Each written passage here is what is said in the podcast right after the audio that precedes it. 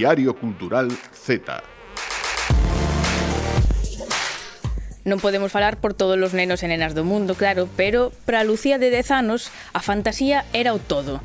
Fantasía no cine, fantasía na literatura e moita fantasía na vida, porque claro, logo eses personaxes de ficción había que interpretalos de algún modo na vida terreal, na vida Magel que dirían os fans de Harry Potter. Un día era Hermión, o outro Robin Hood, e a semana seguinte levaba un pucho verde como o de Link, o do videoxogo de Zelda. Para os adultos, a fantasía vai pouco a pouco desaparecendo dando paso aos ensaios e de economía, de lingüística ou de política internacional, todo moi importante, pero infinitamente máis aburrido. Así que hoxe o noso propósito é poñer un pouco de fantasía.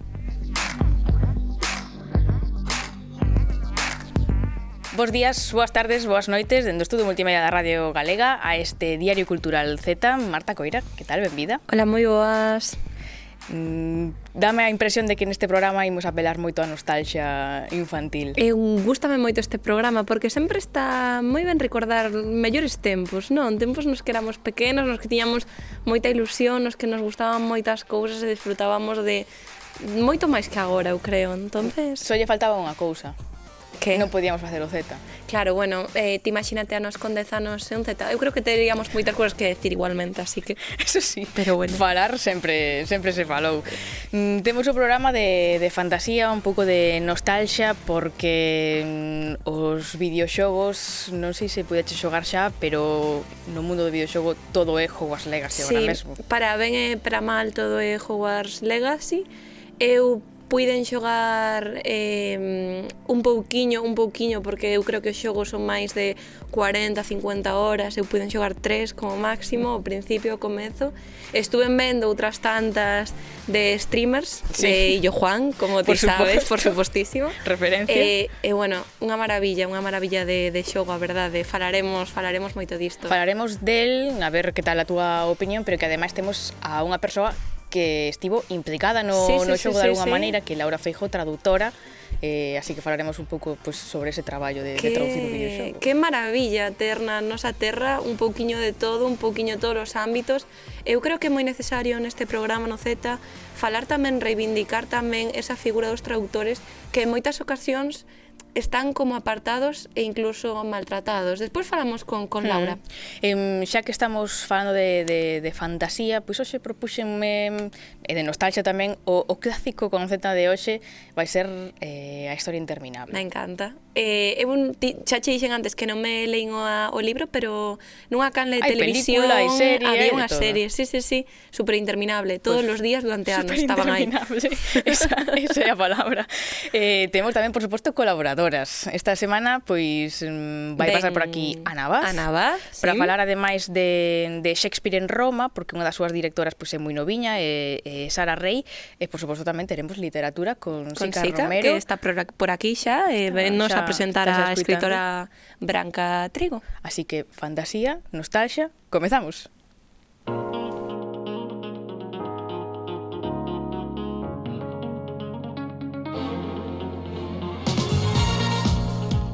non terás queixa, sempre deixamos os videoxogos pro final, pero hoxe por fin hoxe non, principio. non é mérito meu, é mérito da nosa convidada que seguro que ten moitas cousas que decir, pero que gusto escoitar esta sintonía porque a semana pasada non puiden Falamos estar. algo de videoxogos, eh? Sí. Con, con Jesús Silva, trouxenos un convidado que está tamén na produción de videoxogos, así que... Témolo, temos yo que roubar para traer para a nosa sección.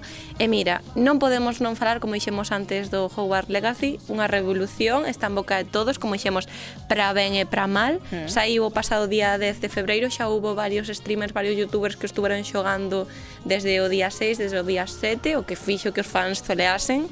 Está disponible, temos que decir, para ordenador e para Playstation e para Xbox, Nintendo Switch, como sempre, bueno, un pouco relegada. A última, que sí, polos seus problemas de, de grafismos, de é unha consola que non tira moi ben con estos xogos. Bueno, mira, non é para menos o jugar Legacy. Gráficas e diseño increíbles, eu como dixen estuve xogando tres oriñas, e, eh, buah, un mundo aberto chulísimo eh, eh, ves todo pola, genial pola este, na que o mellor a acción non sei se é mm. moito de, de xogar xogos de acción hai moita xente que seguramente vai a xogar a, a este videoxogo só pola, pola estética por poder sí. eh, observar o mundo non? é como ampliar o mundo de Hogwarts dos libros e das películas un chanzo máis e descubrir outra cara que, que non sabías e descubrir outro imaginario hai un fanservice increíble hai moitas referencias a está ambientado 100 anos antes o, o videoxogo, uh -huh. a saga original, a primeira. Entonces hai como un fanservice de referencias familiares, referencias de persoas, referencias ao olor interno de Harry Potter, que eu creo que gusta moito aos fans, que non sexa tan fan, que non se preocupe que o vai a poder entender igual, e bueno, as misións, Eh, hai moitísimas misións, eh, xa a historia, mira, bueno, imos coitar o tráiler primeiro vale. e contuvos. A la luz de su situación única, pues se une a nosotros en quinto año, hemos diseñado un plan extraordinario para garantizar su éxito.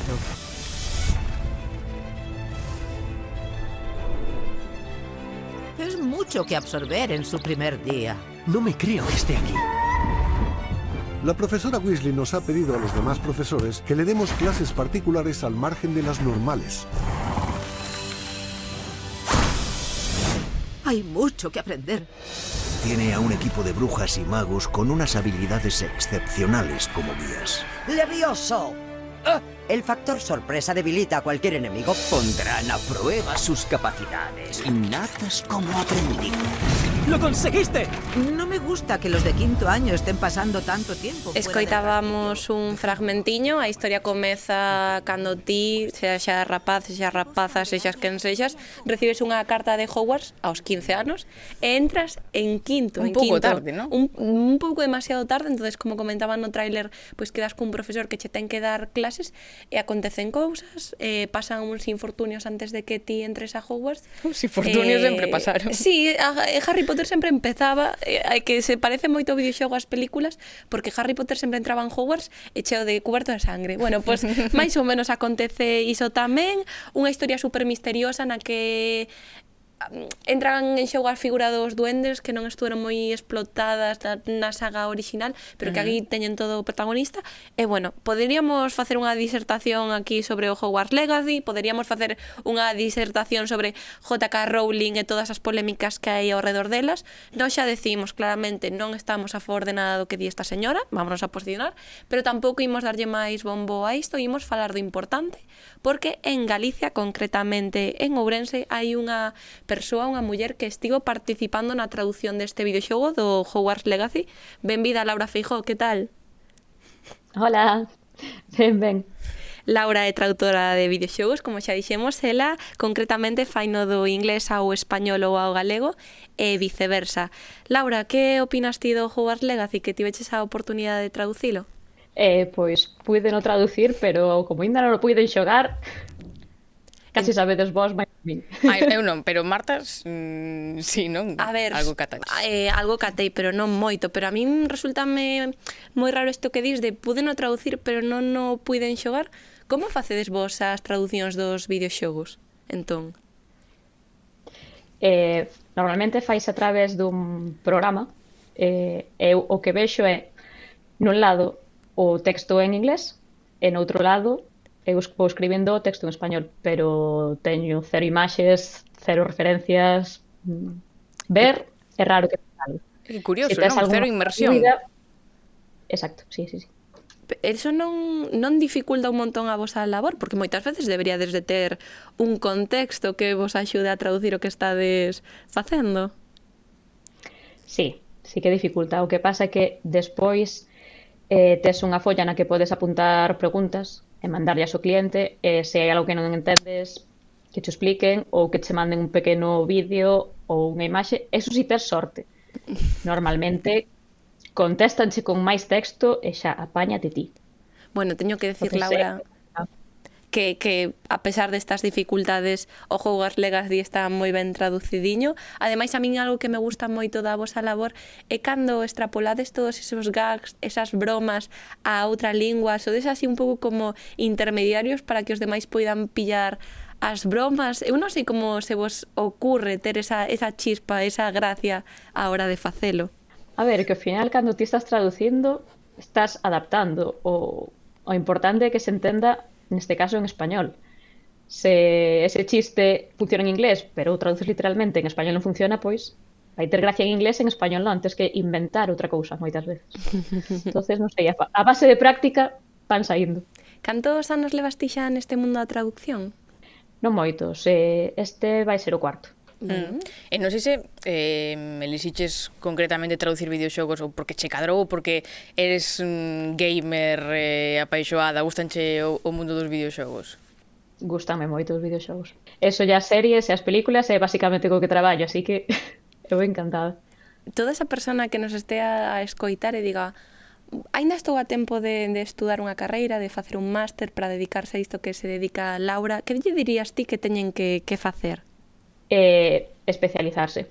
Eu, por exemplo, non estudiei traducción, son un pouco intrusa. Eu fixe en linguas estranxeiras, pero despois sí que fixe un máster en traducción audiovisual e un posgrado en traducción de videoxogos. Tes todos... E a partir de aí, despois xa é mandar currículums, pasar probas e irte metendo e ata aquí 4 anos que, que levas. 4 anos e xa traducindo pois, pues, xogos de, moi tempo, do, de do nivel de Hogwarts de Legacy, tempo. tamén de, de Persona 3 e, e 4, non? En que xogos eh, estiveches traballando últimamente? Eh, pois así os máis grandes son eses, o Hogwarts Legacy, o Persona 3 e o 4, estas remasterizacións que saíron agora, eh, o Marvel's Midnight Suns, o Gotham Knights, eh, que poida dicir creo que xa. Ui, Así que, que se xa. Interésanos tamén os que non, os que non podes decir unha pista que nos poidas dar por aí. O Zelda nah, os, os está na túa xenda, ou polo menos é intención túa. Eu xala que me caiga algo de Square Enix. Bueno, a ver, a ver, a ver. Mm, vale, claro, algo, algo. A ver. que che hai que decir que, que bueno, que a hora de traducir non estás ti sola, estás rodeada de unha equipa. Como vos organizades? Que dividides o videoxogo en fragmentos para que cada un traduzca a súa parte? Facedes traducións simultáneas e poñedelas en común? Como, como se traballa neste mundo? Non, a ver, eso organizado todo unha axencia. Eh, son eles os que dividen os fragmentos, hechos vannos mandando os traductores. Hai veces nas que os traductores temos un grupo de Skype ou que sexa e podemos ir falando e poñendo cousas en común, E hai veces que non. Entonces cada un traduce a súa parte, se quere pode deixar comentarios de traducción para o revisor e tal, pero non, non falamos entre nós, toda a xencia. Sí, sí, a min resulta curioso xa o que de entrada dicía que ela traduces en ver eh, absolutamente cero mm. imaxes. Tamén nos, eh, nos soubemos que, que ti formabas parte deste equipo porque o vimos en, en Twitter e publicáchelo xusto despois de que pues, a, a, a uns días de que saíra o xogo xusto case en última hora. Non entendo que hai como moito moito segredo, moita privacidade nese mundo, non? Sí, a ver, é que temos que firmar uns contratos de confidencialidade mm, bastante duros. Eh, entón, técnicamente, eh, en España, pola Lei de Propiedade Intelectual temos uns dereitos morales sobre a nosa traducción, porque somos consideradas autoras. Entón, canto saia a xogo, si sí o podemos dicir. Que pasa? Que na práctica a maioría dos traductores somos autónomos. E se a axencia coa que traballas non lle fai gracia que o digas, hmm. por, porque non saes nos créditos. Se si saes nos créditos non hai problema, pero se si non saes nos créditos e ti o dis sin contar coa axencia, está aí o medo de, ui, ese non me mandan máis traballo. Ainda que legalmente podo dicir, pero primeiro temos que pedir permiso estas cousas para cubrir as espaldas. Claro, porque... Por vida de autónomo. Isto non é tan maravilloso como parece, traducir videoxogos está moi guai, pero claro, hai veces que, que decías tío dos créditos, iso pasou co Persona 3 e o 4, que como que non vos incluíron. Non, non é un mundo tan maravilloso, hai... parte de moito hermetismo, é como moi desagradecido, non crees? Eh, aparte das condicións nas que traballas, porque vos o que decía ao principio, que igual sabedes vos máis camín do xogo é porque eu se o xogo nun futuro, cando vaya vendo direi, anda, mira, isto soame. Pero a min nin me chega a historia completa, eh, nin nada. E despois, eso, os créditos podemos sair ou non. E as condicións de traballo que mencionabas, supoño que serán moitas horas, non sei como están de ben pagadas... Contanos un poquinho o que poidas decir, evidentemente. A ver, nós normalmente eh, cobramos por palabra. Entón, ti colles o volume que poidas manexar, as horas final decidas ti. O sea, ninguén nos di, ti tes que estar de nove a tal, non. Ti tes unha entrega o día tal e tes que chegar. Se colles moitas palabras e tes que facer máis horas, pois non colleras tantas. É que é curioso mm, pensar nun xa non decimos un videoxogo pois máis dunha produtora máis pequena, non un videoxogo mm que agora mesmo eh, falábamos ao principio do ano, un dos videoxogos máis agarrados do, do ano, unha superproducción. Que máis está vendendo, non é nada barato, ademais, o, o xogo. Sí, e vemos que logo mm, repercute moi poucas persoas, non? Neste caso das as traductoras e, e os traductores pois son ao final o, o, os últimos da, da, da cadea, e, e, e, pero unha peza tan importante como que sen eles, en elas, o videoxogo non chegaría a, a metade do mundo, non? Se só pudésemos xogar en inglés, cantas cousas estaríamos perdendo, non, Laura? Sí, ou moitos que só chegarían igual en xaponés. Porque en inglés xa, igual hai xente que sí, pero en xaponés... Sí, sí. entonces, eso é que se intenta agora, intentar reivindicar a, fi a figura do traductor, que sempre se di que unha traducción ten que ser invisible, que non se ten que saber que é unha traducción pero o traductor non ten por que ser invisible. Entón, estamos aí e, oe, é o que decides, facemos unha labor que se non a fixeramos, pois este videoxogo xogaría non moitas menos persoas. Antes de rematar, Laura, podes nos non contar en que videoxogo estás metida, pero non sei, mencionaches antes que tamén series e, e así tamén traduces. Hai algún proxecto longo para estos vindeiros meses, para estas vindeiras semanas? Eh, de momento está cousa así, un pouco paradiña, inicio de ano. Entón, é casi como coller me- medio vacacións agora. Porque porque a medida que transcurra o ano, máis chollo vai habendo. Sí, normalmente a partir de marzo así, verá, o sol será temporada alta. Eh, quedaba a min a dúbida. O xogo en galego nin, nin o soñamos, non? Eu creo que non. Oxalá, pero Pois, pois, Dubido moito. Pois así quedamos, polo menos temos en témolo en, en castelán, en, en español, mm, grazas a si sí, grazas a Laura Fijo e a tantas traductoras e eh, traductores que formaron parte dese equipo. Desde sí, aquí reivindicamos a súa figura, como estaba dicindo moi ben antes. O que dicía ela que me gustou, de que a traducción pode ser invisible, pero as traductoras non. Efectivamente. Así que con eso quedamos. Moitísimas gracias, Laura. Gracias a vos. Diario Cultural Z. Cumbia.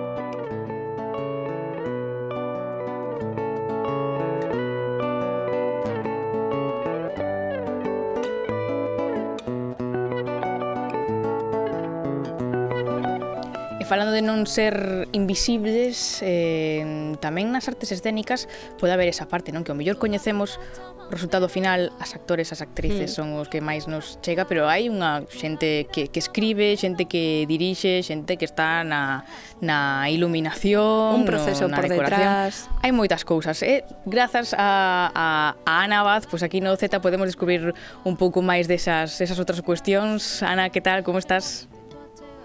Hola Lucía, que tal? Todo ben? Que tal? Pois sí, a verdade é que é importante non que estamos facendo ese percorrido non por diferentes proxectos, diferentes creadoras non e visibilizar un pouco todas as áreas non e algunhas que son como máis invisibles non? Hmm. Entón, hoxe, pois, imos chegarnos o traballo dunha directora de escena Sara Rey, Sara é a directora máis nova dentro da última produción do Centro Dramático Galego, Shakespeare en Roma, Eh, fame moita, moita ilusión, a verdade, falar con, con Sara neste programa, porque coincidín con ela nese, neste proxecto, non? E, de feito, eu fixen a, a dramaturxia mm. da peza que dirixiu ela, que é Antonio Cleopatra.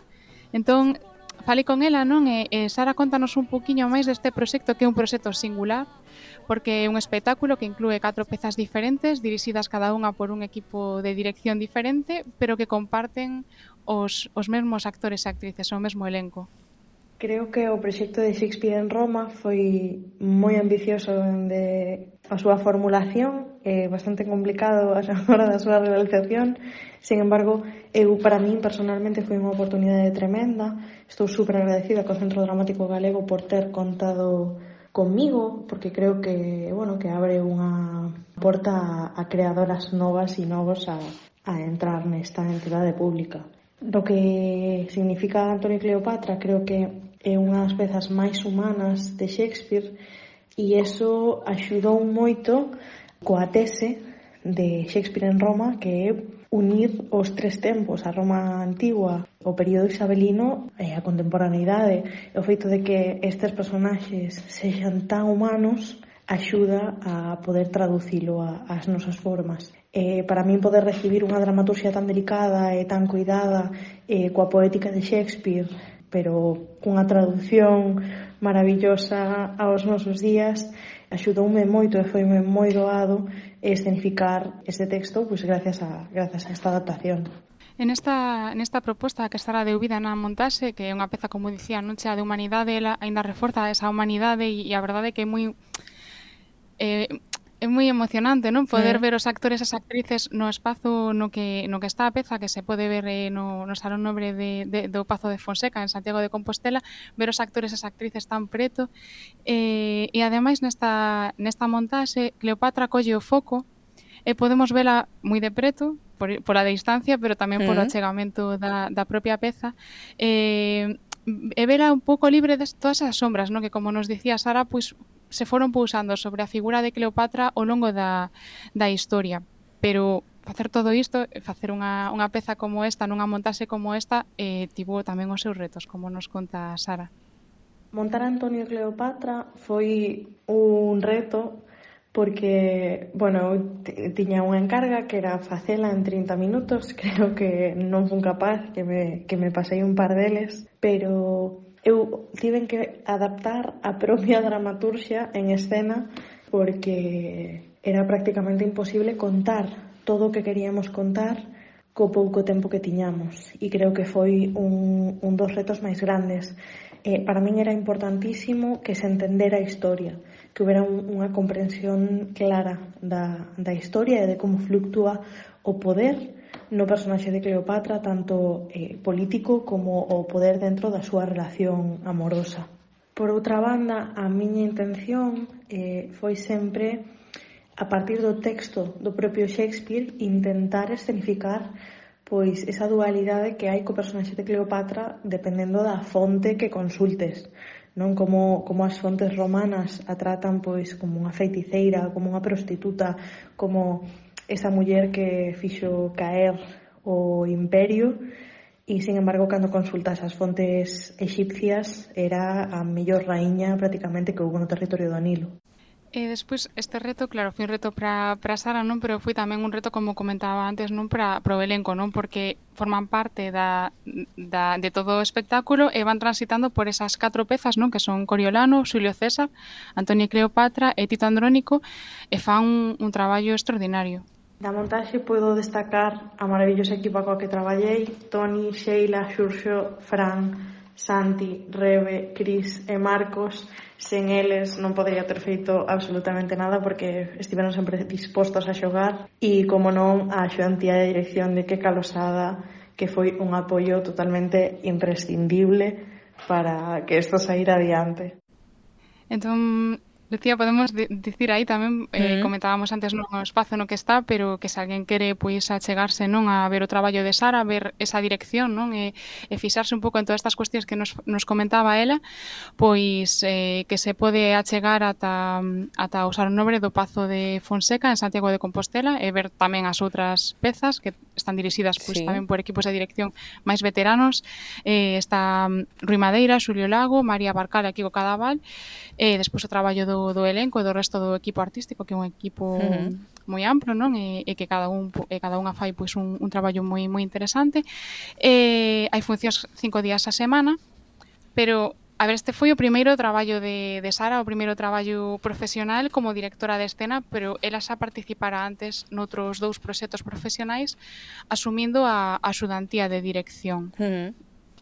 Eu antes de isto xa traballei como axudante de dirección, primeiro en Alúa Vai Encuberta, que é unha coproducción de Incenderia Quinta do Cuadrante, que Alúa Vai Encuberta para min foron as prácticas que eu fixen eh, dos estudos de dirección de escena na ESA de Galicia. E foi como esa primeira gran oportunidade e esa primeira gran confianza que alguén depositou en mí eh, no meu traballo. E despois fixen eh, a axudantía de dirección en recortes, caneos e outras formas de driblar con unha coprodución de AINE e o Centro Dramático Galego. En ambos casos, o director foi Tito Sorei e eu a verdade é que recomendo moitísimo a xente que se está formando en dirección que faga prácticas de axudantía porque te dá a facilidade de aprender directamente sobre a metodoloxía do director ou da directora. Isto é o que pasa en moitas áreas, non que o que comenta Sara, non que é moi interesante poder ter esa posibilidade non de facer prácticas, de poder coñecer como traballan outros directores e directoras que xa teñen como unha trayectoria máis ampla, unha experiencia, e eh, mm. poder coñecer eh, xeitos de traballar moi diferentes. Mesmo neste caso que ela traballou nos, nos dous proxectos con, con Dito Asolei como director, contaba tamén non como en cada un dos proxectos eh, aprendeu cousas diferentes, non porque nun pues, pois, o equipo era máis pequeniño, entón pues, había unhas dinámicas, outro era un equipo maior, entón había outras dinámicas, e como todo iso non enriquece, non daí a a importancia que ela eh, reivindica moito non de, de que as oportunidades para, para a xente nova que está comezando. Eh, ademais, agora ela pois, a, xa, xa está rematou, en plena, non? en plena forma. Sí, está xa, bueno, pois con novos proxectos e comezando novas novas cousas. Entón, bueno, pois falanos tamén un poquinho de todo iso que está a argallar agora. Recén estrenada Shakespeare en Roma, xa veño de iniciar un novo proceso de, de ensaios con Compañía Humana, que está producindo Ifigenia na Porta do Súper, unha adaptación local e contemporánea de Ifigenia in Splot, de Gary Owen, e que creo que é moi necesario falar dende o teatro da situación actual da sanidade pública e como, bueno, ao final é o povo o que rescata o povo Eh, esta peza estrenaremos o vindeiro 17 de marzo no Singular, en Narón, e esperamos que se poida ver por toda Galicia. Por outra banda, eh, eu no contexto da esa de Galicia fundei con Marcos Grandal, eh, actor e músico, Ancoraxe, o que nos gusta chamar o noso bambán creativo, no que pouco a pouco pois nos iremos desenvolvendo no sector e no que amparamos o noso traballo de final de carreira que foi 900 de Alessandro Barico e agora mesmo pois estamos en proceso de inicio dunha dramaturxia nova na que estamos traballando coa actriz Isabel Garrido e bueno, é unha peza así de comedia con partes musicais, autoparódica e bueno, da que de momento non, non te podo contar moito máis. Que misterio. Diso hai o, o misterio, sí, para que sigamos así atentas, non? Entendo Z para para este proxecto non é para os outros que, que comentaba e para esa estrea tamén o, o 17 de marzo eh, pero ela quiso facer moitísimo fin capeno que decía antes de agradecer agradeceu moito tamén o Z de, de uh -huh. que mm. falásemos con ela non e a importancia de, de espazos como este non que é certo non de que que se, se dé a voz non a, as novas creadoras e creadores, igual que esa oportunidade pois, que la tivo tamén para entrar no, no Centro Dramático Galego. Agradecer moitísimo que exista un espazo como este no que se quere escoitar a xente nova, eh, aos creadores e as creadoras que vimos abrindo camiño. Eu creo que a miña presencia no Centro Dramático Galego non sei se vai ser un modelo de de apertura xeracional ou vai sentar unha base, pero sí que considero que significa algo e agardo que o Centro Dramático poida abrir as súas portas a xente con novas ideas, porque ao final é o que necesita o sector para estar en constante cambio e en constante avance. Que maravilla, Ana sí, a verdade é que é que sí, e ademais, bueno, Sara fai cousas moi chulas, é, é unha persoa catadora, e todo, a verdade é que foi un, un gusto, non, que que puidese que puidese acompañarnos neste programa hmm. e mm. E que ten toda a razón, eu penso. En, xa que te temos a, tamén a, a ti aquí, como foi traballar con, con Sara, non? Porque ti levabas, como, como nos, dice, nos dixeches, a dramaturxa dese Antonio Cleopatra, como foi ese, ese traballo para ti?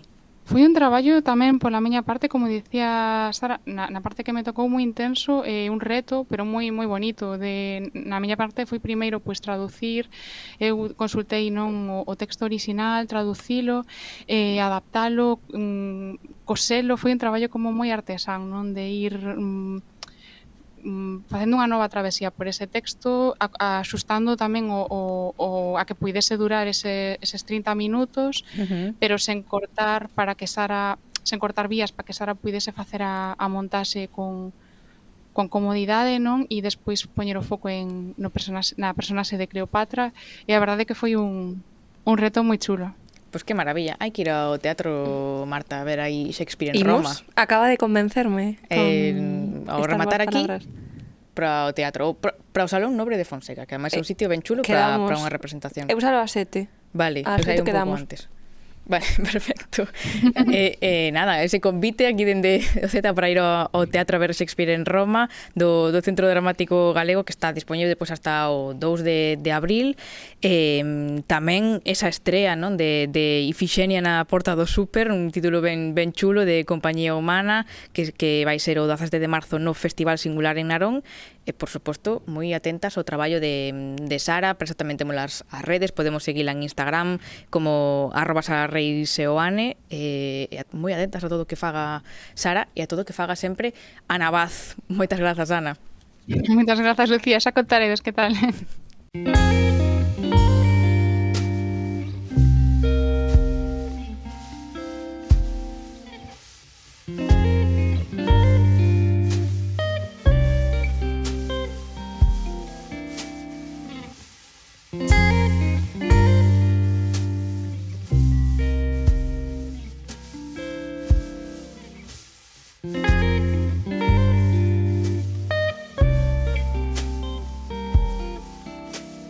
Imagina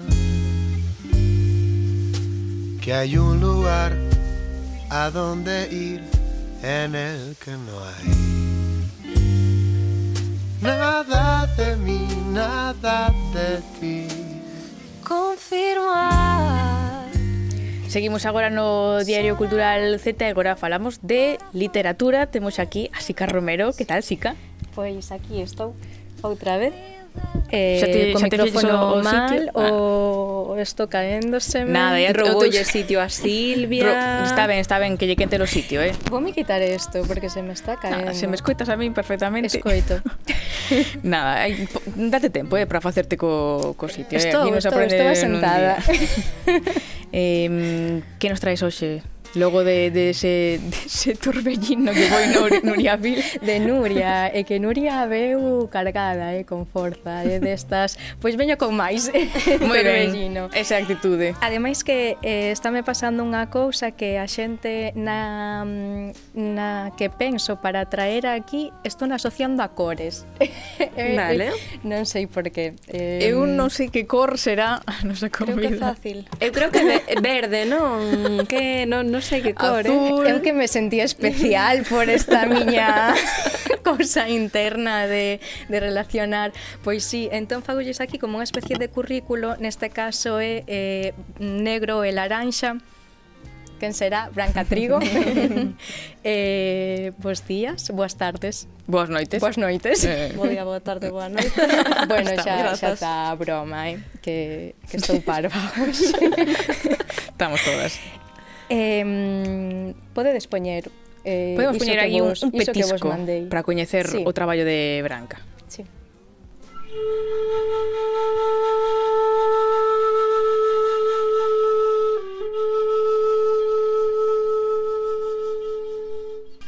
Non comprendo a miseria, por moito que me leve acompañado.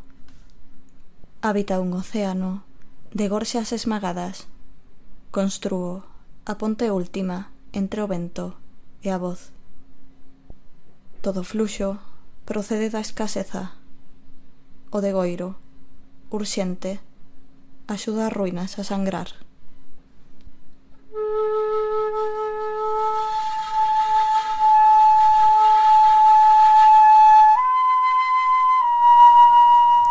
estamos escoitando, Sica? Estamos escoitando a voz da nosa convidada de Branca eh, nun desos recitais, bueno, un poema uh -huh. recitado que está accesible no, no YouTube. Eh, uh -huh. Non sei se queres aquí falar, da, porque eu vin esa canle agora que me pareceu moi interesante, hai poucos vídeos, pero... Fai, pero... fai a promoción, fai. Uh -huh. Sí.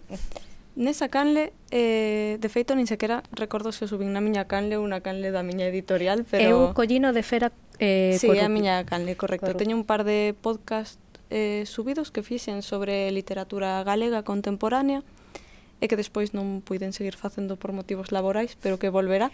E teño ese videopoema que é o primeiro que fago, é un poema incluído nun fanzine que se chama Omega, que saquei hai pouco, Uh -huh. Eh, sí que quixen meter un pouco de, porque son frautista, un pouco de música tamén. Uh mm. ah, -huh. ah, a, a frauta eh, túa tamén? Sí, é miña. Maravilla. Porque si es escritora, poeta, frautista. es música, uh -huh. Eh, bueno, es editora e de feito eres unha das eh, fundadoras eh, xunto con, con Alfredo Vázquez do selo editorial Malafera. Uh -huh. Eh, que polivalencia, madre sí. mía branca. Iso de que mucho abarca, pois eu paso de, diso totalmente. Perfecto. Dice, hai que abarcar. Decir, non me veñas E hai con... que apretar. Hai que, bueno, iso xa non o levo tamén. eh, estás en todo, todo o que ten que ver coa literatura en todos os ámbitos. Eh, ademais, bueno, te, non de teño aquí o libro. Saca o libro. poñer, sí. Eh, levas uns cantos anos sendo escritora porque este libro é o último que, que sacaches, pero mm. xa hai eh, cousas anteriores. Eh, hai un que podemos seguir, que aínda podemos conseguir, o anterior. E quería saber como. Sí, vale. Eh, O anterior chamase Coñecemento do Medo, xa que -huh. coa miña editorial que é Malafera, e é un libro no que xogo un pouco pois coa materia de coñecemento do medio, como di o título, e co terror. E hai moitas referencias cinematográficas e falo un pouco pois iso do, do terror, de como de onde parte, por que nos gusta ter esa sensación cando imos a, ao cine ou cando lemos. Uh -huh. E está dispoñible máis ou menos. Estamos liquidando en librerías. Eh, vai haber agora algúns exemplares, así que se o queredes que comprar podedes escribir, escribir a, a editorial. Pídalo na página web, mal, Edicións Malafera. Edicións e por ser doceta temos algún tipo de acceso privilexiado? pero, no, pero Lucía, creo que, os artistas creo tamén teñen que comer, no, eu pagando, pagando, pero ah, mm, vale. reserva, pre-reserva ou algo ah, disso. claro, sí. Ah. Home, isto está sendo grabado, así que ata que saia xa sodes as primeiras en reservar. Exacto. É que é o primeiro que vou facer, nada máis cheguei a miña casa. Eh, nos coñecémonos no, no Café do 4 a 4, que aí convidáchesme a formar parte dun, dun recital eh, que estás metida en todo, porque tamén andas por aí, eh, pois eso, recitando e, eh, e organizando con, xunto con outros selos editoria, editoriais. Eh, bueno, estas mostras que creo que nos achegan a a, a xente, non? E a, a esas eh, esas autoras noveis eh, que quizáis mm. non teñen eh, unha visibilidade tan grande como, bueno, como outras que xa están máis asentadas en as que se chaman grandes editoras. Que é o que pretendedes eh, con, con estas actividades e eh, coa editora?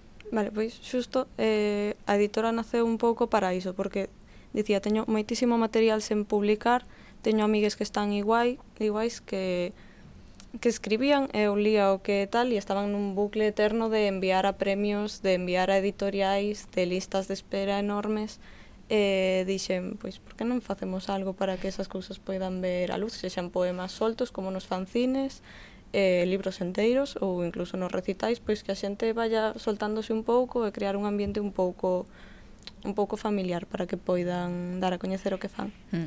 De feito, eh, ese recital ao que a mí me convidaches, eh, sempre digo cando, bueno, eh, teño algunha presentación ou así, que é unha desas experiencias bonitas que eu gardo da publicación do libro de, bueno, de Abela Iñas, porque me sentín tan tan ben, tan nun, nun ambiente eh, tan receptivo e, eh, e seguro, eh, Entón, bueno, creo que é unha labor moi importante.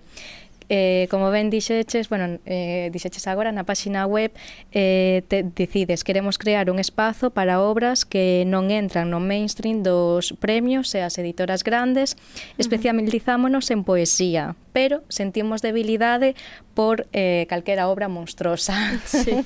A ver que eh, cal é o concepto de monstruosidade? De monstruosidade, vale. En principio pensábamos nunha mestura de xéneros en formatos, cousas que igual se mandas a un certame de poesía ou unha editorial, dinche isto non é poesía, pero que nos creemos que sí.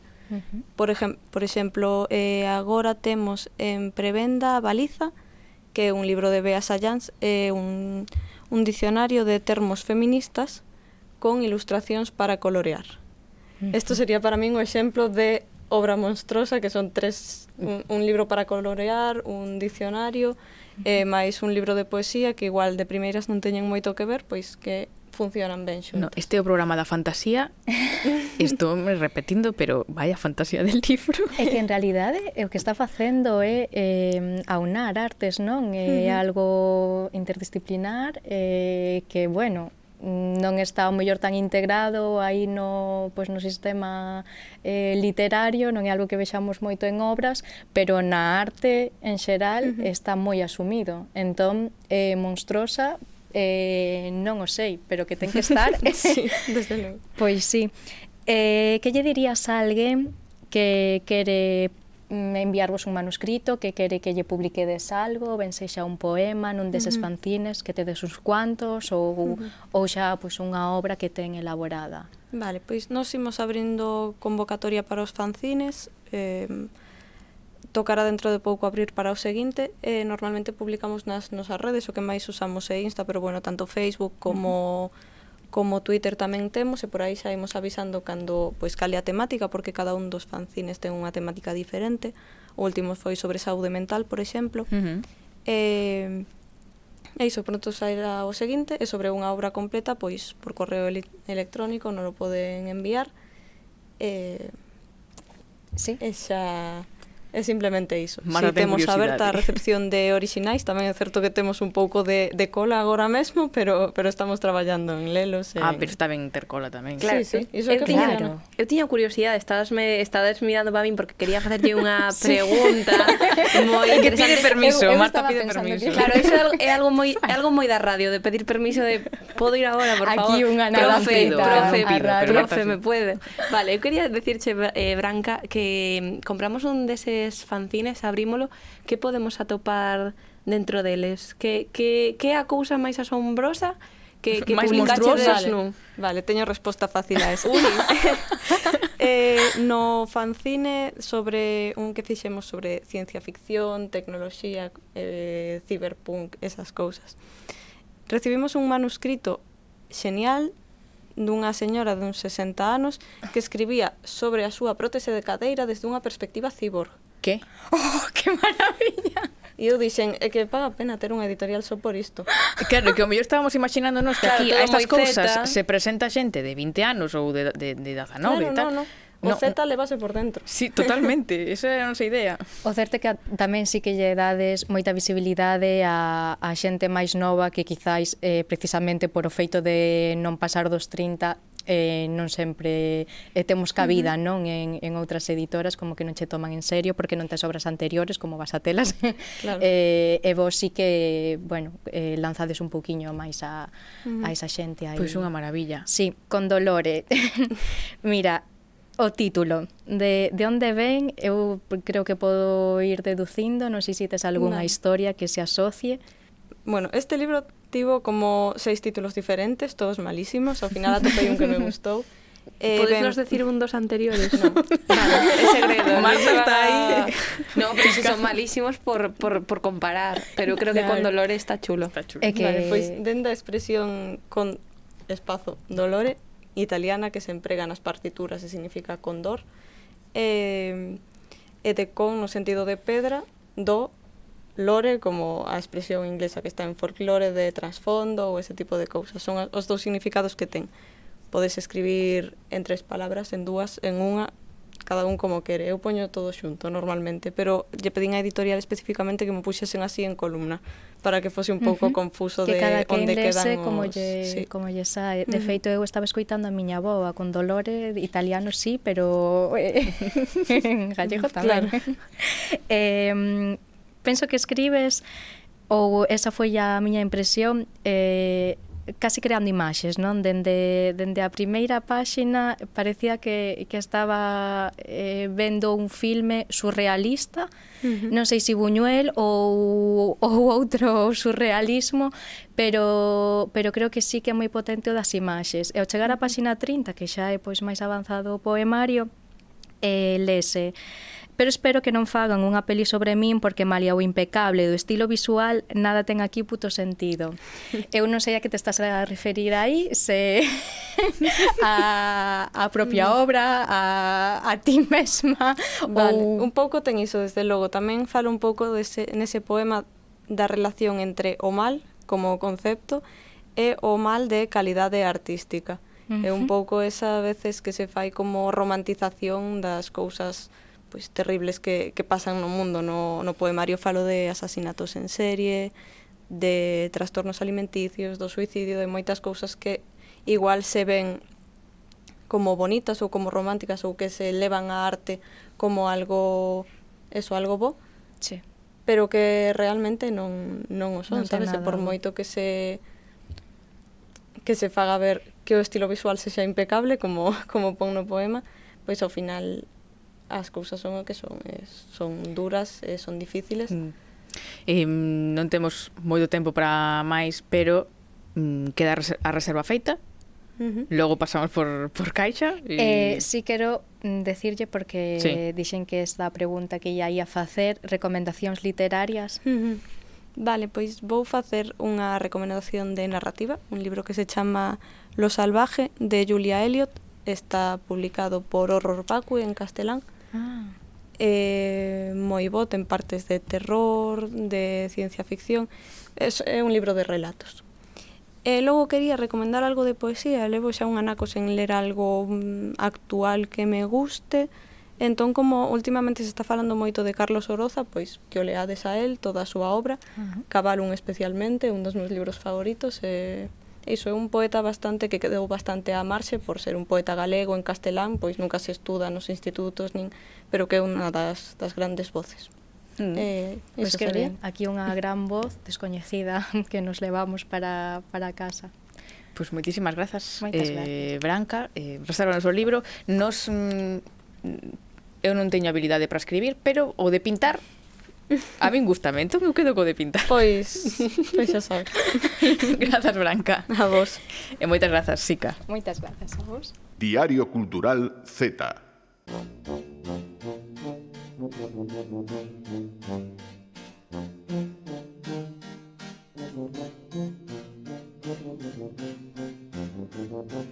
you.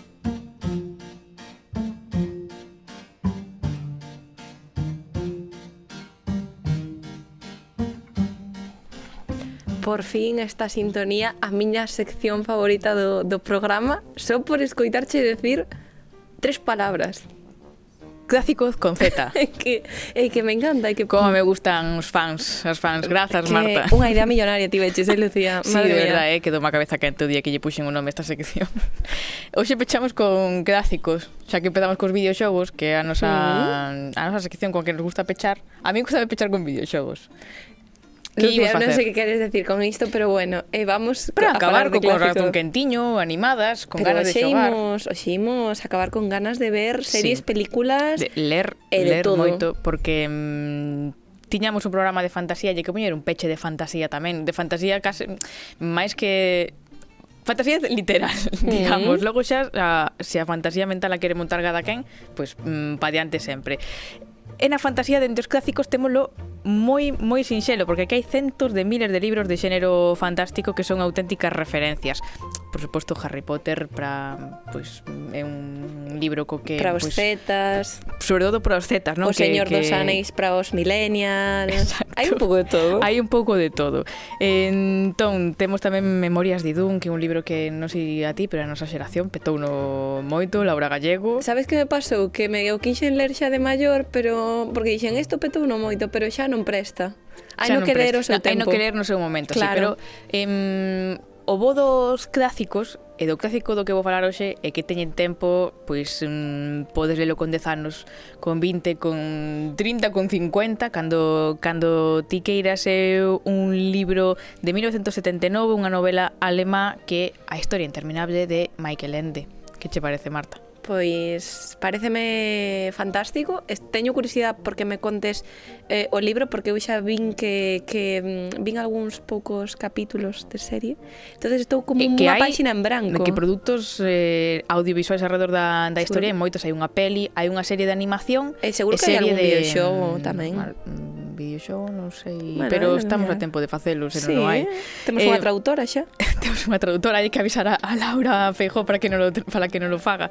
Pero mm, pois A historia interminable é unha novela infantil e juvenil, non enfocada a ese público, pero mm, moi importante eh, porque en moitos casos, e no meu tamén, é unha novela iniciática. Digamos que é das primeiras veces que culle un libro de 400, 500 páxinas e que o lía con emoción, non? Porque antes de un libro tan gordo onde vou eu mm. con, con iso, non? Pero é das, esas primeiras lecturas, non? De feito, eh, a historia empeza con Bastian, que é un neno orfo e solitario que atopa un libro nunha bella librería e comeza a obsesionarse co, coa historia ato punto de que prefire vivir dentro nel, dela que no mundo real.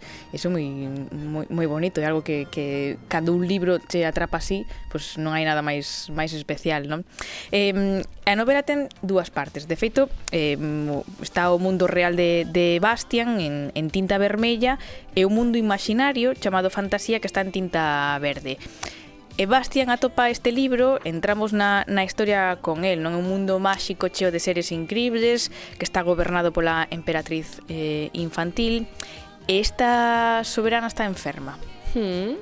Ten unha doenza sen, sen cura ou non ya dan atopado e a medida que a enfermidade vai avanzando, pois o mundo de fantasía vai desaparecendo o este este reino, non? Entón aquí aparecen pois outros personaxes, Atrello que o, o outro protagonista xunto co seu dragón dragón branco Fújur que seguramente moita xente eh, é o que máis coñece do, do libro, que teñen pois esa misión de atoparlle a, a emperatriz pois unha cura.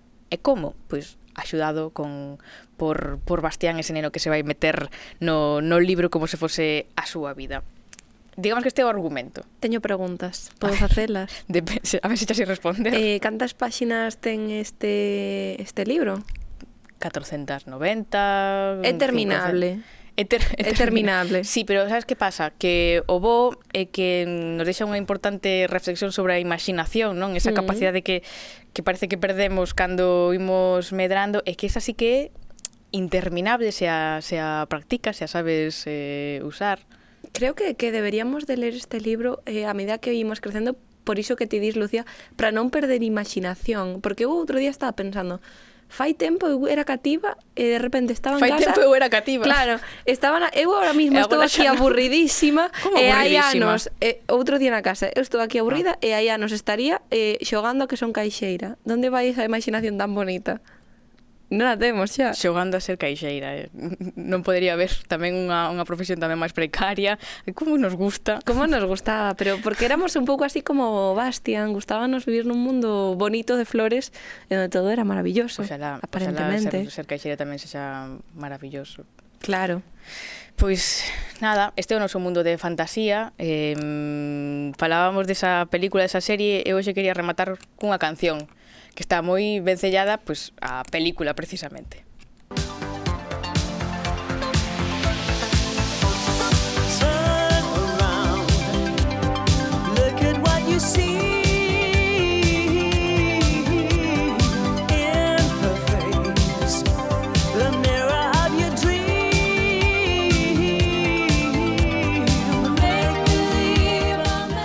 moi pouco Z esta canción, eh? No, pero unha canción preciosa que sigue aparecendo hoxe en día. Mira, acabo de pensar unha relación máis Z con este libro, con este clásico, sí. que é Un puente hacia Terabitia, que eu non sei se se inspiraron na historia interminable, eh, pero eu basicamente creo que é o mismo. que nos destrozou a infancia, sí, pero moita xente. Eu non sei que final ten la historia interminable, pero pero o argumento parecese moito, non? Unha nena que, que non lle gusta vivir na vida real por certas circunstancias, que se monta o seu mundo de fantasía, ela é moi contenta mm. nese mundo. Hai que vivir máis na fantasía. Eu non sei se ti eu escribiremos algún día unha novela de fantasía, vexo un pouco difícil, pero temos este Z. Facemos que... fantasía co Z. Facemos fantasía co Z todas as por semanas. Supuesto. Grazas, Marta, unha semana máis por acompañarme Ata aquí. outra. Nos despedimos xa, pero volvemos a semana que ven con muitísima máis Cultura Z.